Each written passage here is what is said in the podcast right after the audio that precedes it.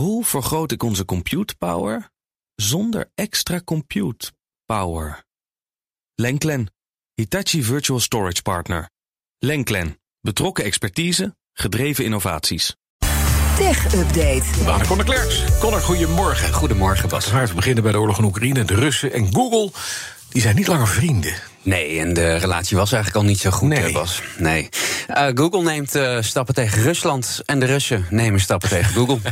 Eh, Google stopt, eh, laten we bij hem beginnen, met advertenties op websites, apps en YouTube-kanalen... waarvan zij vinden dat de inhoud de oorlog in Oekraïne verkeerd voorstelt. Dat meldt Reuters vanmorgen. Dan moet je denken aan eh, content waarbij eh, bijvoorbeeld Oekraïne de schuld krijgt van het conflict... of gezegd wordt dat het een, eh, een vredesoperatie is... of de denazification eh, van Poetin. Daar gaat eh, Google eh, geen advertenties meer bij verkopen. Dus als je zo'n website hebt, dan eh, word je in je portemonnee getroffen.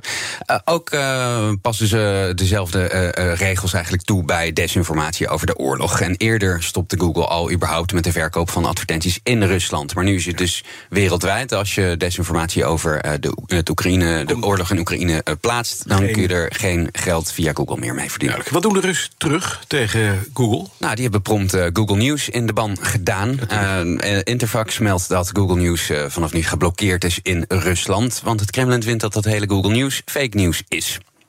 Dat we het weten. Ja, maar dat is Rusland. Spotify heeft een grote overwinning binnengesleept. Welke? Ja, nou, het is een onderwerp waar we het de afgelopen twee jaar vaak over gehad hebben, Bas. In-app verkopen. Oh ja, via de Apple Store. Ja, via de Apple. Store, via eh, de Play Store van Google. Ehm, ja, daar, eh, dat is eigenlijk de enige keus die je als ontwikkelaar hebt. Hè. Eh, Mhm. Je hebt die twee grote systemen. En als iemand bij jou een dienst afneemt of iets koopt in jouw app, dan gaat dat dus via Apple of het gaat via Google. En Spotify is daar al jaren kwaad over. Want die bedrijven die romen tot 30% van die in-app aankopen af.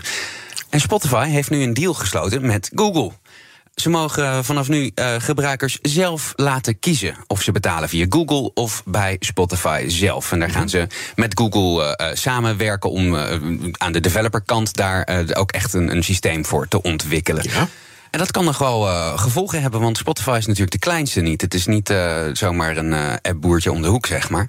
Dus wellicht is dit eh, eh, een, een volgende stap naar een, een opener systeem. Een, een wereld waarbij Google en Apple niet meer zo macht hebben over de geldstromen in de ik app. ben heel benieuwd of Spotify, als je dat direct nu doet, die betaling, ook die 30% Ja, is het goedkoper van dan? jouw eh, eh, bijdrage afhaalt. Zou dat goedkoper worden? Nou, ik heb. eh, Dat denk ik namelijk niet. Ik, ik, ik, ik twijfel er een beetje aan, want ja, je ziet toch vaak dat eh, ja, mensen eh, of diensten niet heel snel echt goedkoper worden. Hè.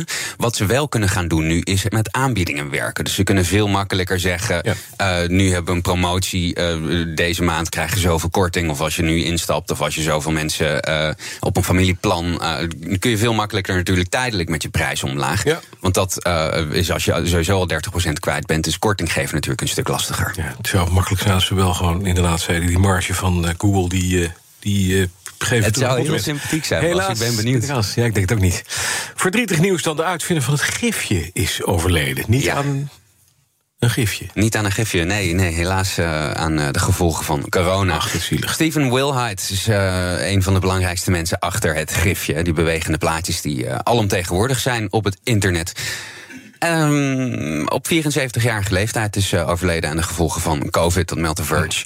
Ehm, graphics Interchange Format, daar staat eh eh, GIF voor. En het is ouder dan je wellicht denkt. In elk geval ouder dan ik had verwacht. Wilhite begon er namelijk aan te werken in de jaren 80. Toen werkte hij voor CompuServe. Had je de en er is.